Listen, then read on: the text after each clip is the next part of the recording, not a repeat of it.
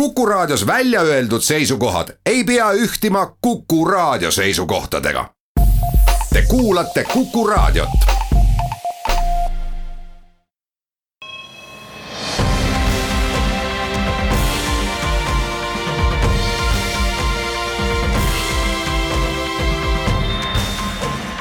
Buum.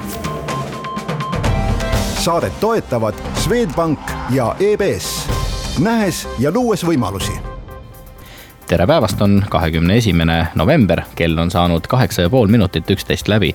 oleme taas eetris Buumi saatega, saatejuhid Anto Liivat ja Ott Pärna.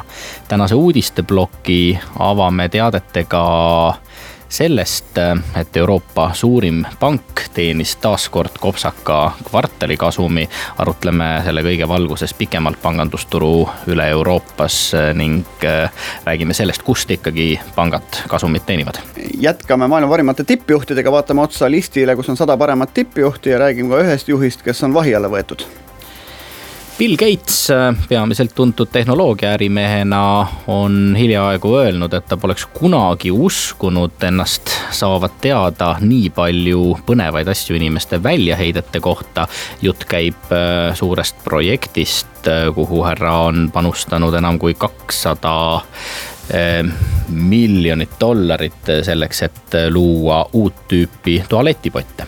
Meie tänane saatekülaline on Swedbanki investeerimisfondide juhatuse esimees Kristjan Tamla, kellelt uurime, miks ikkagi Eesti pensionifondide tootlus nii tagasihoidlik on ning äh, mille poolest me, meie fondid teiste riikide fondidele ikkagi alla jäävad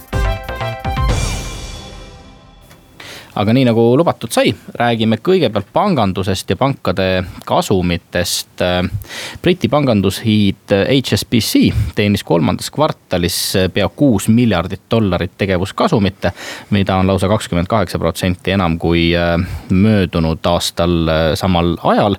ja kui eelmise aasta numbreid vaadata, siis äh, maksueelset kasumit suutsid nad teenida seitseteist miljardit aga Euroopa Euroopas äh, kaks miljardit eurot äh, kahjumit. milline, Kristjan, see Euroopa pangandusturg ikkagi välja näeb ja kui tihe see konkurents on, arvestades, et äh, suured hiiud teenivad Euroopas kahjumit ja, ja raha ikkagi pigem Aasiast? ja tere päevast. no üldiselt, kui rääkida laiemalt pangandussektorist ja, ja Euroopa pangandussektorist selle sees, siis kui võtta siin viimased paarkümmend aastat, siis tegu on olnud ühe kõige raskema sektoriga investori jaoks. et, et sellesse sektorisse investeerides äh, isegi siin pea kakskümmend aastat tagasi alates aastatuhande algusest siis nii-öelda Euroopa panku kajastav aktsiaindeks on täna madalamal tasemel, kui ta oli kakskümmend aastat tagasi. ja, ja noh, miks see, miks see niiviisi on olnud? et äh, kui nat-, sihuke natuke lihtsustada, siis, äh, siis võib äh, pankade tulupoole jagada piltlikult öeldes kaheks. punkt üks, intressitulu ja seda pangad siis teenivad eelkõige selliselt, et võtavad lühiajalisi hoiuseid panga jaoks loodetavasti võimalikult madala intressimääraga ja laenavad välja pikaajalisi laene ja panga jaoks siis loodetavasti võimalikult kõrge intressimääraga ja, ja mis selle juures siis olulist rolli mängib, selle juures mängib siis olulist rolli see, et, et milline, millise kujuga parasjagu see intressikõver äh, selles riigis või regioonis on, kus, äh, kus pangad sedasi toimetavad. et kui lühiajalised intressid on võimalikult madalad, pikaajalised intressid on kõrged, siis on ka loogiline, et, et see netointressitulu, mida pangad teenivad, on, on hea. ja vastupidi ja noh, kui me nüüd vaatame milline eurotsooni intressikõver täna on, siis, siis me teame, et, et kõik need rahatrükid ja Euroopa Keskpanga intressialandused on, on, on viinud tegelikult selleni, kus ka pikaajalised intressid on täna väga alla tulnud. et kui me võrdleme siin näiteks kriisieelset perioodi, siis äh, Euroopa kuue kuu intress, noh piltlikult öeldes Euribor ja, ja viieaastane intress, et nende vahe oli siin kuskil pooleteist, kahe protsendi juures ehk pikem intress oli siis poolteist, kaks protsenti kõrgem, täna on see, täna on see vahe seal kuskil null viie, null kuue juures. Ja teine pool, kus pangad raha teenivad, on teenustasud. Ja see Eesti Vabariik on üks selline, kus sellest nagu üsna suur osa sellest kasumist tekib, aga sellest räägime saate teises pooles. kui me seda HSBC-d nüüd veel edasi vaatame, tegelikult on tegemist eh, pigem nagu Hongkongi taustaga pangaga. Eh, ta on tuhande kaheksasada lõpus asutatud, tema holding ud on täna ka, tal on kaks peakorterit, üks on Hongkongis, teine Londonis.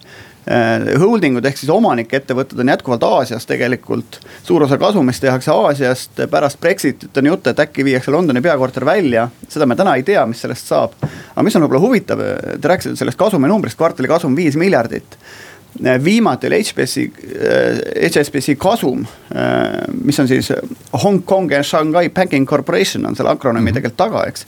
et viimati oli kasum nii kõrge kaks tuhat seitse aastal ehk siis kriisi ajal nad teenisid aastas äh, seal vist kakskümmend koma seitse äh, miljardit dollarit kasumit. ehk siis millele see tegelikult viitab, täpselt odavate intresside kontekstis äh, on kõvasti nii-öelda, ma ei tea, kas õhku sinna sisse aetud, aga, aga see viitab väga mullistumisele, nii suured kasumid pangandussektoris. huvitav on võib-olla ka see, et kui vaadata McKinsey uuringu raportit, siis äh, privaatpangandusel läheb Euroopas äh, hirmus hästi. möödunud aastal äh, läbi aegade kõige suuremad kasumid, Kristjan, mida sellest arvate no ma arvan, miks privaatpangandusel läheb hästi, on, on see, et kui me mõtleme, kes on privaatpanganduse kliendid, siis privaatpanganduse klient on see kõige jõukam, kõige rikkam, rikkam osa ühiskonnast. Ja, ja nende, nende nii-öelda varade väärtust eelkõige mõjutab siis see, mis juhtub globaalsetel aktsiaturgudel ja, ja, ja nii-öelda varade väärtusega ja noh, ma jõuan sellesama punkti juurde tagasi, millest ma rääkisin tegelikult intresside juures, et, et kui see nii-öelda mitte konventsionaalne rahapoliitika on intressimäärasid alla surunud. siis teist poolt on ta surunud üles, eks ole, kõiksuguste riskantsete varade hindasid ja seetõttu ilmselt privaatpanganduse klientidel äh, läheb ka, läheb ka väga hästi. noh, me kõik teame, et, et, et mida see nii-öelda laiemalt on ühiskondades kaasa toonud, see nii-öelda varanduse, varanduse kontsentreerumine ja nii edasi, aga et eks, eks, eks see nii-öelda privaatpangandusest äh, suurte kasumite teenimine on, on lihtsalt üks, üks märk sellest, et, et finantsturgudel on läinud väga hästi. ja, ja finantsturgudel sageli peamised, peamised nii-öelda osalejad ongi siis need, need inimesed, kes on privaatpanga kliendid. kuulame nüüd ära kaubanduslikud teadaanded ning seejärel jätkame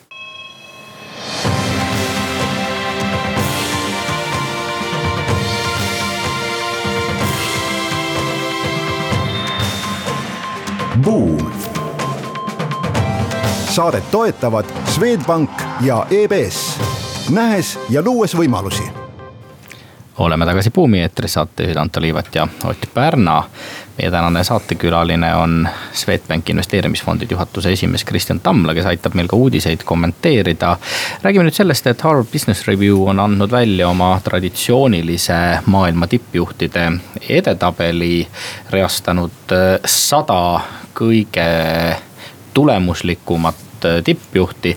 ja üldiselt tuleb seda tabelit vaadates nentida, et kui sina kord oled hakanud edulainel purjetama, sattunud õige ettevõtte etteotsa. ja kandnud hoolt selle eest, et sa seal midagi ära ei riku ja mõned asjad hästi teed. siis äh, oled sa seal edetabelis väga pikki aastaid. Äh, top kümnest seitse tippjuhti olid eelmisel aastal selles edetabelis ja top kahekümne viiest lausa kaheksateist ja kui me veel selliseid üldnumbreid selle saja kohta räägime, siis kakskümmend juhti sajast juhtisid siis ettevõtet, mis oli väljaspool tema kodu või sünni, sünnimaad. kolmkümmend kaks tükki omasid MBA-d ehk siis ärikraadi. samamoodi kolmkümmend neli olid inseneeria taustaga. sajast kaks olid naisterahvad. keskmine ametisse määramise vanus oli nelikümmend neli eluaastat ja keskmine ametis oldud aeg oli kuusteist aastat. ja see ametis oldud aeg, kuusteist aastat, on tegelikult rohkem kui poole rohkem, kui me vaatame SB viissada indeksis olevate ettevõtete puhul. mis tähendab seda, et siin üks kriteerium seal nende juhtide edukuse hindamisel oli tegelikult ettevõtete kasumlikkus. ja kohe, kui me näeme, kui firmad on kasumlikud, püsivad juhid ka kauem ametis et sellised äh, huvitavad märk, märksõnad. aga no üldjoontes võiks ju öelda, et kui sa ikkagi tahad tippjuhiks äh, saada, siis äh, hea oleks, kui sul oleks inseneriharidus koos ärijuhtimise haridusega. ja pigem on sul eeldused õnnestumiseks, kui sa tuled ettevõttest seest, oled õppinud seda organisatsiooni tundma. Kristjan, mis sulle silma hakkas sellest tabelist? Ja ma püüdsin lugeda natuke seda metoodikat, kuidas seda uurimust on tehtud ja, ja ma saan aru, et valimis on siis äh, globaalse tuhande kahesaja suurema, suurema ettevõtte, ettevõtte juhid.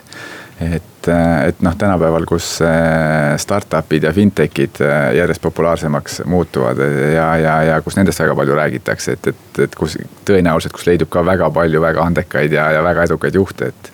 Need kahjuks ilmselt jäävad sellest valimist välja. aga mis mulle silma jäi, mulle jäi ka nagu silma natuke see, et et, et ilmselt selles uuringus on raske vahet teha, et kas siis see ettevõtte hea tulemus on tänu sellele juhile või, või vaatamata sellele juhile nii-öelda naljaga pooleks. et, et, et kui me mõtleme, kui me mõtleme majandustsüklite peale, siis sageli ju tsüklid ongi mingi sektori põhised. et mingi, mingil ajal läheb ühel sektoril paremini ja mingil teisel ajal läheb teisel sektoril paremini. ja et noh, kui sa oledki nii-öelda sattunud õige sektori õigesse ettevõttesse et, et, et et, et, et kas siis just äh, nii-öelda tänu sulle on see tulemus saavutatud või, või, või mis põhjustel. et seetõttu mulle nagu meeldiks vaadata just sihukeseid pikemaid üle tsükli, üle tsükli numbreid. ja, ja eelkõige võrrelda nii-öelda sektorite siseselt et, et vaadata, et, et mis mingi sektori siseselt on, on, on kõige paremini teinud, et, et nii-öelda ühte asja üh, nii-öelda, et oleks võrreldavad äh, õunad õuntega ja apelsinid apelsinidega. et sageli õun ja apelsin omavahel võrrelda on üsna keeruline. no mis mulle meeldib, Mark Parker, Nike'i tegevjuht on neljateistkümnendal kohal miks mind ei pane imestama, et sa just tema üles leidsid aga samas startup idest rääkida, üks, kes on küll küündinud siia toppi satta, on siis äh, Mark Benioff, kes on Salesforce'i juht. mis on siis Pipedrive'ist nagu ilmselt sada korda või noh, kümme kuni sada korda suurem ettevõte. aga samamoodi siis äh, müügimeeste tarkvara tootev ettevõte, kes on siis oma otsaga seitsmendal kohal. esimesel kohal on Pablo Isla, äh, Inditexi pealik, omanik. Sara Tege tegemist on siis Saara aga ka Massimo Tutti ja teised sellised poed, eks. vendadel on seitse tuhat üheksasada poodi üle maailma, endist rääkisime HSBC-s, neil on kolm tuhat üheksasada pangakontorit.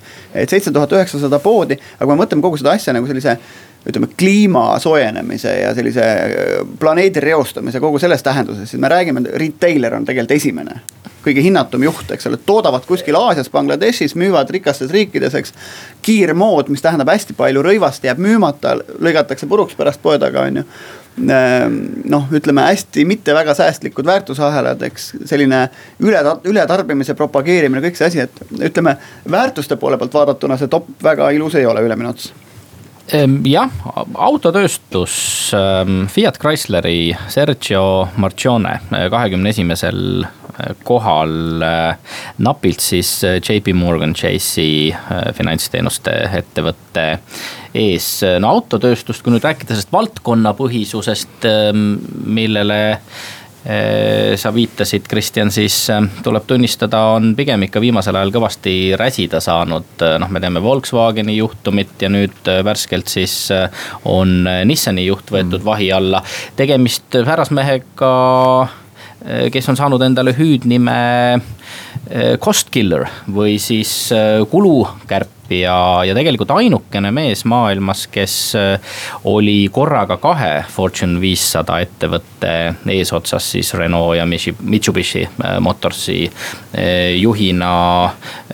samamoodi tegelikult inseneriharidusega, ärijuhtimine sinna juurde, et, et kõik nagu, nagu klapib, aga, aga noh, küllap see autotööstus on ikkagi ka nii tugeva surve all just kasumi ootuste suhtes, et, et, et see sunnib ikka ikkagi kõvasti, kõvasti pingutama. nojah, siin mõned, mõned inimesed on äh, seda autotööstuses äh, seoses selle diisliskandaaliga aset leidnud muudatusi võrrelnud äh, selle muutusega, mis leidis aset siis, kui kui selles nii-öelda äh, fotograafias äh, järsku mindi sellest äh, fil-, filmi peale pildi tegemisest üle digitaalsete pildi tegemisteni, et, et, et see, seal nii-öelda aktsiaturgudel nimetatakse seda Kodak moment'iks. et, et, et kus Kodak, mis oli, eks ole, maailma üks, üks suuremaid ja lugupeetavaid firmasid, järsku tema, tema äri sisuliselt ära kadus.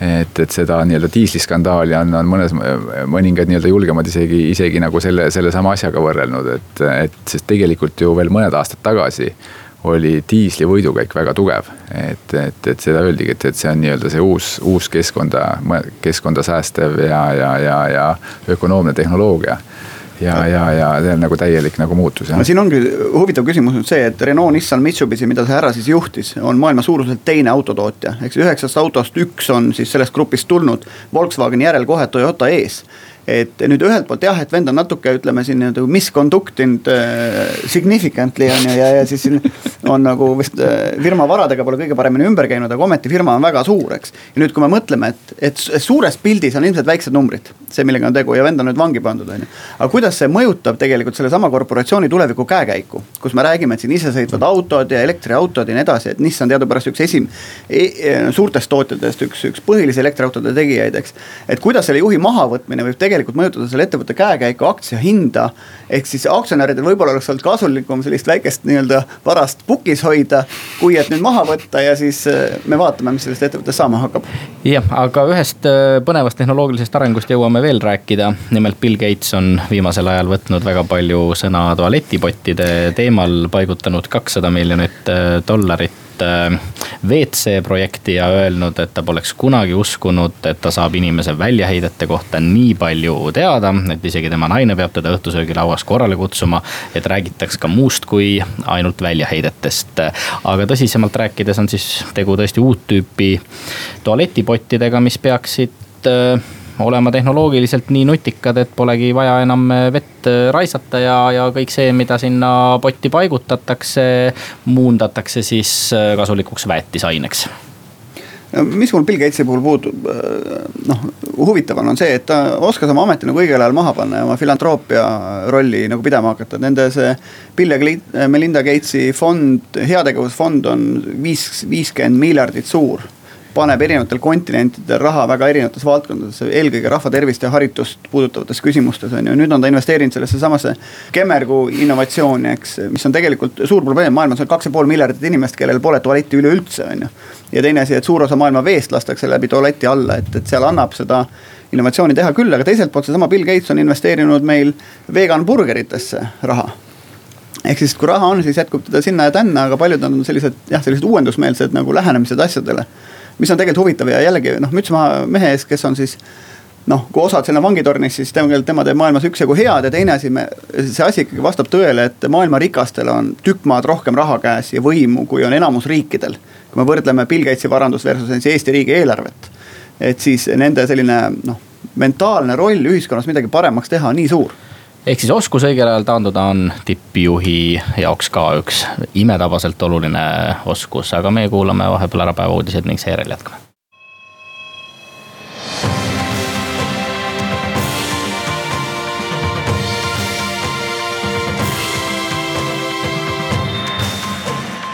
Buum. saadet toetavad Swedbank ja EBS, nähes ja luues võimalusi oleme tagasi Buumi eetris, saatejuhid Anto Liivet ja Ott Pärna. meie tänane saatekülaline on Swedbanki investeerimisfondide juhatuse esimees Kristjan Tamla ning äh, räägimegi nüüd äh, inimeste pensionirahast, pensionifondidest. Äh, ühiskonnas on palju poleemikat pälvinud meie pensionifondide väga tagasihoidlik tootlus võrreldes paljude teiste riikidega. sellele arutelule andis ajendi OECD raport, mis siis tõesti nentis, et ainult Tšehhi ja Egiptuse fondidel tootluse mõttes läheb äh, veel kehvemini. sa, Kristjan, oled hariduselt ökonomist, mis pilguga sa vaatad äh, sedasama OECD analüüsi, mis äh, üsna hävitava hinnangu meie fondidele annab? Ja no vot, kui nagu ökonomisti pilguga vaadata, siis äh,, siis tuleb, tuleb vaadata mitte ainult äh, nii-öelda nendes suures tabelis olevaid numbreid, vaid vaadata ka siis, kuidas need numbrid sinna tabelisse äh, sattunud on. ehk et, et kas äh, kõik need numbrid, mis ühes tabelis on, kui hästi nad omavahel võrreldavad on ja, ja kui hästi nad omavahel võrreldavad ei ole et, et see jah, selge on see, et, et kui vaadata lihtsalt puhtalt tootluse numbreid ja, ja seal selles OECD tabelis, eks ole, millest siis sageli räägitakse, on, räägi-, on, on selline tootlus, kus pensionifondide äh, nii-öelda tootlusest on maha võetud iga riigi inflatsioon. et, et seal on siis Eesti, Eesti tagapool. et, et seal on siis kindlasti väga palju riigispetsiifilisi asju punkt üks, eks ole, et, äh, et milline on konkreetselt igas riigis inflatsioonimäär, ma ei tahaks üldse nüüd minna sinnamaani ja hakata ütlema, et Eestis on olnud nii kõrge inflatsioonimäär ja, ja see on nagu see põhjus, miks pensionifondide tootlus selles tabelis on, on üks nõrgemaid, kuigi tõsi on see, et meie inflatsioon ei ole olnud pigem mitte madal, vaid pigem kõrgem võrreldes teiste OECD riikidega. aga teine asi, mis on oluliselt, minu meelest nagu palju olulisem on see, et, et kui me räägime nagu laiemalt investeerimisfondidest, siis me teame ju, et omavahel ei võrrelda aktsiafondide tootlust ja võlakirjafondide tootlust ja omavahel ei võrrelda, eks ole, kinnisvarafondide tootlust ja, ja, ja, ja aktsiafondide tootlust ja nii edasi. et üldiselt püütakse võrrelda äh, omavahel selliste fondide tootlust, mis investeerivad väga sarnaselt, mille riskiprofiilid on väga sarnased, mille investeerimisuniversumid on väga sarnased ja, ja siin selles viimase paari kuu jooksul olnud diskussioonis on, on paar korda läbi käinud mõte, et eh, kus siis on võrreld-, kus siis on eeskujuks meile toodud eh, Soome pensionifondid. et ja noh, tõepoolest, et, et selles samas OECD raportis, kus on siis viimase kuue aasta kohta Soome numbrid ära toodud et, et selle aja jooksul on siis Soome pensionifondide tootlus olnud üle neljakümne protsendi. ja sa, Eesti pensionifondidel on ta jäänud siis alla nagu kolmekümne, et justkui nagu ei olegi midagi võrrelda, et, et tõepoolest äh, soomlastel on läinud oluliselt paremini kui me nüüd aga vaatame, et kuhu needsamad Soome pensionifondid investeerivad, millised on seal regulatiivsed piirangud, siis äh, selles samas raportis võib näha, et äh, et Soome pensionifondid investeerivad võlakirjadesse, pangahoiustesse ehk noh, nii-öelda turvalistesse, pikaajaliselt vähem tootlust võimaldavatesse kohtadesse kuskil ühe kolmandiku. ja ülejäänud kaks kolmandikku läheb siis nii-öelda riskantsematesse varadesse, mis peaksid siis ka pikaajaliselt suuremat tootlust tagama, on need aktsiad, on need kinnisvara, äh, on need infrastruktuuriobjektid ja nii edasi saan ma õigesti aru, et sa nüüd hakkad äh, vaikselt seda kivi veeretama valitsuse kapsaaeda, öeldes, et äh, piirangud on liiga ranged? ei, ma ei tahaks nagu kellegi kapsaaeda kivi, kivi veeretada, ma, ma tahaks esimese hooga jõuda, jõuda sinnamaani, et, et, et tegelikult ka Eestis on sarnase riskiprofiiliga pensionifonde äh, kui Soomes. et, et Eestis teises sambas saab täna teatavasti teha nii-öelda nelja erineva riskikategooriaga pensionifondi kõige konservatiivsemad peavad investeerima sada protsenti võlakirjadesse, siis järgmine on, mis peab investeerima äh, kuni seitse, äh, vähemalt seitsekümmend viis protsenti võlakirjadesse, siis nii-öelda viiskümmend ja, ja kõige, kõige riskantsemad siis ainult kakskümmend viis. ja ütleme, see kahe viimase või kahe kõige riskantsema pensionifondi kategooria vahele jäävad ka Soome pensionifondid, nii-öelda meie mõttes. no ütle selline lihtsa inimese küsimusele vastus, et, et kaks tuhat seitseteist aasta majandustel läks üle maailma igal pool mm -hmm. hästi, me oleme pensionifondidega ikka nagu punases, eks. samas HSBC-s rääkisime, et selle kvartali kasum maailma rekord enam-vähem võrreldes eelmise kahe tuhande seitsmenda aastaga, eelmise buumi kõrghetkega et kui me nagu headel aastatel ei suuda oma pensionifondidega nagu kasumit teenida, et äkki see kogu see kogu see mudel nagu ei vääri küünlaid või, või, või ma ei tea, peaks selle raha siis las see riik ise investeerib siis oma, ma ei tea, Eesti Energiasse, mõnedesse ettevõtetesse lubab mingit garanteeritud tootlust oma pensionäridele rahumajasse et... siin oli nüüd hästi, hästi palju küsimusi korraga, et ma võib-olla hakkaks siis tagantpoolt, et. et ma üldiselt, mina olen nagu seda meelt, et, et pensionifondid ei peaks ja ei tohiks kogu raha äh, sellesse riiki investeerima, kus nad tegutsevad ja, ja, ja väga lihtsal põhjusel, et, et kui me mõtleme pensionisüsteemi peale laiemalt, siis äh, suur osa meie pensionist sõltub nii-öelda sellest klassikalisest esimesest sambast, mis on siis, eks ole, riigi maksutulud. ja sellel esimese samba pensionil läheb meil tulevikus täpselt nii hästi, kui läheb Eesti majandusel kui me mõtleme, milline on enamike inimeste sääst, nii-öelda vabatahtlik säästmine või, või varad, siis üldjuhul selleks on kinnisvara millel äh, tulevikus läheb ka täpselt sama hästi, kui läheb Eesti majandusel. ja kui me mõtleme siis, äh, millest sõltub äh, enamike inimeste töötasu töökoha peal Eestis töötades, siis tõenäoliselt see sõltub ka väga palju sellest, kuidas läheb Eesti majandusel. et seetõttu ma arvan, et, et, et kui see teine sammas ikkagi märkimisväärse osaga oma varadest välismaale paigutab, on see võib-olla päris, päris mõistlik tulevikuriskide hajutamine.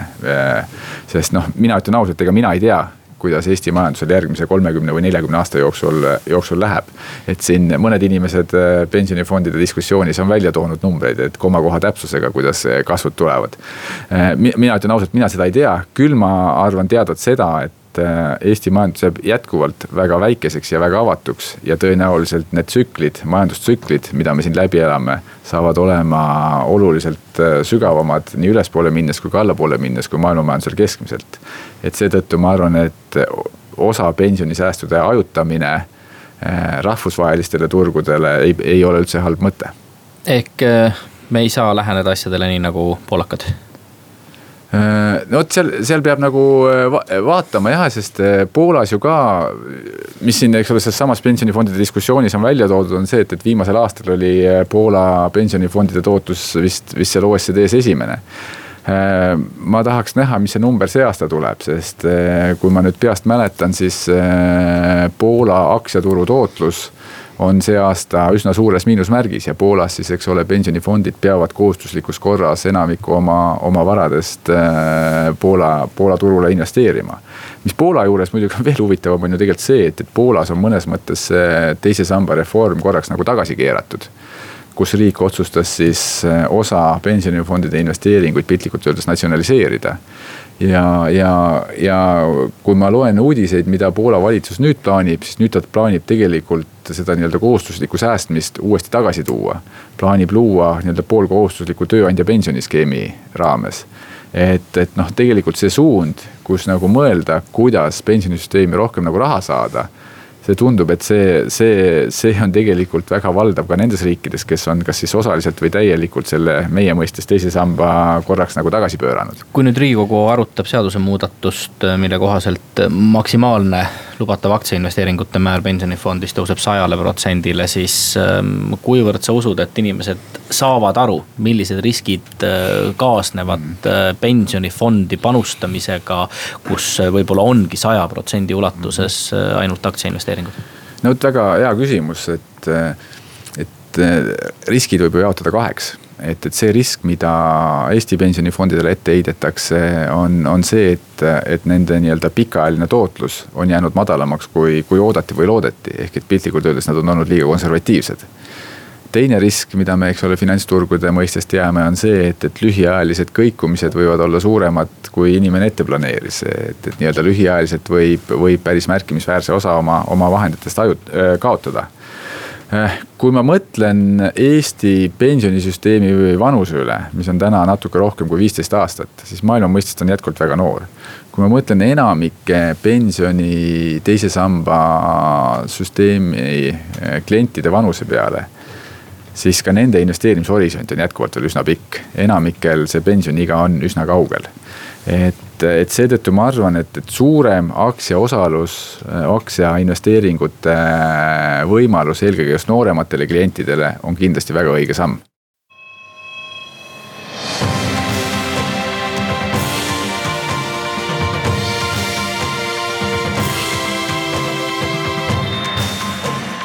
Buum. Saadet toetavad Swedbank ja EBS nähes ja luues võimalusi oleme tagasi Buumi eetris, saatejuhid Anto Liivet ja Ott Pärna, meie tänane saatekülaline on eh, Swedbank investeerimisfondide juhatuse esimees Kristjan Tamla. räägime pensioniteemadel, pensionifondide tootlusest. Rääkisime eelmises saateplokis, eh, ma küsin nüüd siis selle teise kuuma teema kohta, mis puudutab haldustasusid, kuidas need Eesti versus teised riigid võrdluses välja paistavad ja noh, mis siin pattu salata, pigem räägitakse sellest, et kõrge võitu on ja no üldiselt äh, kehtib, äh, kehtib väga lihtne reegel, äh, mida suuremad on pensionifondid, mida suurem on pensionisüsteem, seda madalamad on ka pensionifondide tasud. et kui me vaatame maailma erinevate riikide pensionisüsteeme, siis, siis kõige madalamad tasud kipuvadki olema nendes riikides, kus pensionivarade maht on kõige suurem. ja kui me mõtleme nüüd Eesti pensionifondide, pensionifondide tasude peale, siis äh, tegelikult seesama seos on ka meil ajas päris hästi paika pidanud. et, äh, et aja jooksul, kui pensionifondide mahud on kasvanud, on, on tasud tasapisi, tasapisi aren- äh,, alanenud tänaseks on keskmine nii-öelda pensionifondi tasu meil natuke alla ühe protsendi. Ja kui nüüd see seadusemuudatus, investeerimisfondide seadusemuudatus, millele te siin eelmises saateplokis viitasite, vastu võetakse, siis. siis äh, järgmise aasta alg-, äh, ülejärgmise aasta alguseks, ehk siis natuke rohkem kui aasta pärast. kukuvad meil pensionifondide tasud äh, sinna null viie, null kuue protsendi juurde ja see juba on üsna võrreldav, äh, taaskord jõuan Soome juurde, Soomega, Soome pensionifondide tasud on täna null nelja, null viie protsendi vahel. ja nende pensionifondide maht on kuskil sada, sada kolmkümmend äh, miljardit eurot, Eestis on ta täna siis nelja miljardi juures. Äh, et ma arvan, et, et see, kuhu me nüüd jõuame, on üsna mõistlik tase, arvestades meie, meie fondide suurust. Aga mida kindlasti pensionifondide tasude juures silmas tuleks pidada, on see, et, et see, millised on tasud, määrab päris paljuski ka selle, millise investeerimisstruktuuriga pensionifondid meil on. Et kui me tahame hästi madalaid tasusid, siis sellega kaasneb see, et, et meil on tõenäoliselt kõik pensionifondid nii-öelda puhtalt indekstüüpi. Et äh, ei ole võimalik äh, saada nii-öelda kahte asja korraga, et meil oleks hästi madalad tasud ja samas pensionifondid äh, teeksid näiteks suures osas, millest me siin eelmises saateplokis räägiksime, suures osas nii-öelda suhteliselt keerukaid mittelikviidseid Eesti investeeringuid, näiteks kinnisvarasse või, või infrastruktuuri projektidesse. üks endine pankur on öelnud, et siis, kui see kaks tuhat kaheksa-üheksa finantskriis on ju, et, et kui tema poleks kaks aastat üldse tööd teinud, oleks rohkem raha järgi ehk siis äkki ma mõtlen seda, et kui me nüüd nende tarkade otsustega pole viimase viieteist aasta jooksul suutnud nagu üle punase joone nagu kasumit teenida nende fondidega. et, et eh, noh, ütleme, võib-olla oleks indeksfondid olnud ka siis nagu adekvaatsem lahendus, aga äkki kui, kui see oleks päris nagu sinu teha et, et mis sa nagu järgmise viieteist aasta jooksul teeksid teistmoodi, et need tootlused oleks suuremad nii lühiajalises kui pikaajalises võtmes mm? -hmm. no ma võib-olla korrigeeriks selle ära, et, et lühiajaliselt ja pikaajaliselt äh, punases olemine ei ole, ei ole päris korrektne. see on vähemalt see OECD tabeli põhjal, eks äh, äh, et rahandusministeerium on, kes on siis, eks ole, sõltumatu, sõltumatu tegija on, on arvutanud, et alates teise samba loomisest on äh, pensionifondide reaaltootlus. ehk see on siis see tootlus, kus inflatsioon on juba maha võetud, keskmiselt olnud null koma kaheksa protsenti aastas. ja kui me võtame, et see teise samba süsteem on meil viisteist aastat kehtinud. et siis, kui me võtame null koma kaheksa astmele viisteist, et siis me saame, et, et keskmiselt selle aja jooksul on äh, inimeste pensioniinvesteeringute reaalne ostujõud kuskil kolmeteist protsendi võrra kasvanud aga loomulikult tõsi on see, nagu te mainisite, et, äh, et et, et selles nii-öelda rahvusvahelises võrdluses oleme, oleme me pigem nii-öelda tagaajaja osas eh, mida teisiti, et, et noh, me korraks sellest, äh, sellest seaduse, seadusandluse muudatusest rääkisime ja noh, mina, mina nagu selles suhtes julgen, julgen küll öelda, et. et, et kui see nagu vastu võetakse, siis, siis noh, tegelikult äh, pensionifondidel on ikkagi sisuliselt nagu noh, kõik võimalused kasutada ära kõiki kõiki, kõiki võimalusi maailma, maailmaturgudel ja, ja kohalikul turul, et, et seda võimalikult head tootlust, tootlust saavutada. kui palju siin Eestis pensionifondide vahel tegelikult konkurentsi on või on see turg noh, üsna selgelt juba paika loksunud? No konkurents, kui vaadata nüüd ajas tagasi, on, on, on äh, tegelikult päris suur just eelkõige nii-öelda mineviku tootlusel põhineval.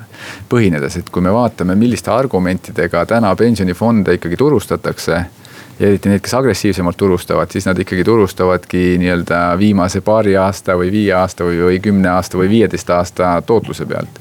kus see konkurents võib-olla on natuke nagu väiksem olnud on, on tasude pool, aga, aga ka siin ma nagu ei noh, see on nagu sihuke nii ja naa teema. et, et, et kui levib nagu arvamus, et see on sihuke hästi kasumlik äri, hästi kasumlik sektor. siis miks ei ole, miks ei ole siia nii-öelda välismaalt äh, või, või kust iganes uusi, uusi tegijaid juurde tulnud et kui me vaatame võrreldes selle kahe tuhande teise aastaga, kui teine sammas loodi, siis tegelikult on see, sellest teise samba ärist lahkunud Seesam ja on, on lahkunud Danske, eks, noh, Danske võib-olla mingitel teistel põhjustel. ja, ja, ja asemele on tulnud Nordea, aga ka Nordea võib-olla teistel põhjustel, sest Nordea tuli nii-öelda suurema, suurema nii-öelda universaalpangana tegelikult noh, nii-öelda natuke hiljem ka Eesti turule. ja nüüd lõpus on tulnud juurde Tuleva. et, et tegelikult see nii-öelda tegijate arv ei ole siin nagu kuidagi nagu suurenenud, noh, mis mulle nagu ütleb seda, et, et ega see, see ei ole nagu lihtne valdkond ja see ei ole nagu ülimalt nagu kasumlik valdkond, et, et siia nagu, siia nagu siseneda. et äh, ja noh, kui, kui nagu küsida, mis oleks nagu minu eelis, siis minu eelis oleks igal juhul see, et, et siin oleks hästi suur konkurents ja, ja, ja selle võrra vähem regulatsiooni. et, et täna me oleme pigem jõudnud sellisesse olukorda, kus kus on arvamus, et konkurents on väiksem ja seetõttu riik tahab siis tasusid ja, ja muid asju hästi palju reguleerida ma küsin ühe sellise küsimuse, ma tean, et see on regulatiivselt piiratud, aga põhimõtteliselt, kui me näeme, et seal kõrval näiteks sama Swedbank on hästi kasumlik, on ju, aga need fondid ei ole väga kasumlikud. jumala pärast, miks need fondid ei paiguta siis omaenda Swedbanka aktsiatesse selle raha või kuidagi, et, et ühesõnaga, et osa sellest nagu panga kasumist endale saada, sama lugu on võib-olla LHV puhul või, või kõik, kes siin kasvavad, eks. et, et kuidagi see raha, mis pensionitelt kogutakse, investeeritakse kuhugile mujale, mis tegelikult, mille edukus ei ole paljuski nende juhtide kontrolli all, eks alati, kui me ostame mingi ettevõtte aktsiaid kuskil, mida me ise ei juhi, siis me usaldame, et äkki keegi kuskil juhib hästi, eks. noh, ma ei ole kindel, kas äh, kas Swedbanki aktsiates kogu pensionifondi raha investeerimine näiteks aastal kaks tuhat kaheksa oleks väga hea mõte olnud, et, et, et kus, kus Swedbanki aktsia, eks ole ikkagi mitmetes kümnetes protsentides üsna, üsna lühikese ajaga suure, suure kukkumise, suure kukkumise läbi tegi aga, aga kui, kui mu käest nagu küsida, et, et, et, et mida ma arvan, et, et mida, mida nagu tulevik võib-olla teistmoodi toob ja mida, mida me ise püüame teistmoodi teha, siis siis ma arvan, et mida Eesti pensionifondid natuke nagu vähe on kasutanud, võrreldes just äh, nii-öelda muu, muu maailma fondidega, on see, et, et me oleme vähe, natuke tagasihoidlikud olnud selliste noh, ebalikviidsete likviidsus, kõrget likviidsuspreemiat omavate investeeringute tegemisel olgu selleks infrastruktuur, olgu selleks kinnisvara, olgu selleks mittenoteeritud ettevõtted. osaliselt on see seotud olnud seadusandlusega, aga ma arvan, et osaliselt me oleme ka ise natuke tagasihoidlikud olnud. ja nüüd me teame, et, et siin paari aasta pärast äh, alanevad oluliselt äh, toetusrahad, mida Eesti Euroopa Liidust saab oma infrastruktuuri arendamiseks. mina näen küll, et, et see võiks olla üks koht, kus, kus pensionifondid äh, võiksid äh, suuremat rolli hakata võtma seetõttu nii-öelda teenides oma, oma liikmetele või oma klientidele nii-öelda kõrgemat tootlust läbi selle likviidsuspreemia. ja teist poolt ka võimaldades siis arendada, võimaldades siis areneda kohalikku infrastruktuuri. et naljaga pooleks järgmiste valimiste eel Äh, võib-olla äh, poliitikud saavad lõigata läbi lindi objektil, mis ei ole tehtud Euroopa Liidu rahaga, aga on tehtud pensionifondi rahaga. pensionäride sild Saaremaale näiteks meie aeg siin täna hakkab ümber saama. aitäh, Kristjan Tamla Buumi saatesse külaliseks tulemast. meie oleme Otiga eetris juba täpselt nädala pärast, siis on meie külaliseks EBS-i looja, järeltulija Mart Habakukk Äh, Mart tänase EBS-i kantslerina aitab meil lahti rääkida, milline võiks olla ärihariduse tänapäev ning tulevik. seniks aga kuulmiseni.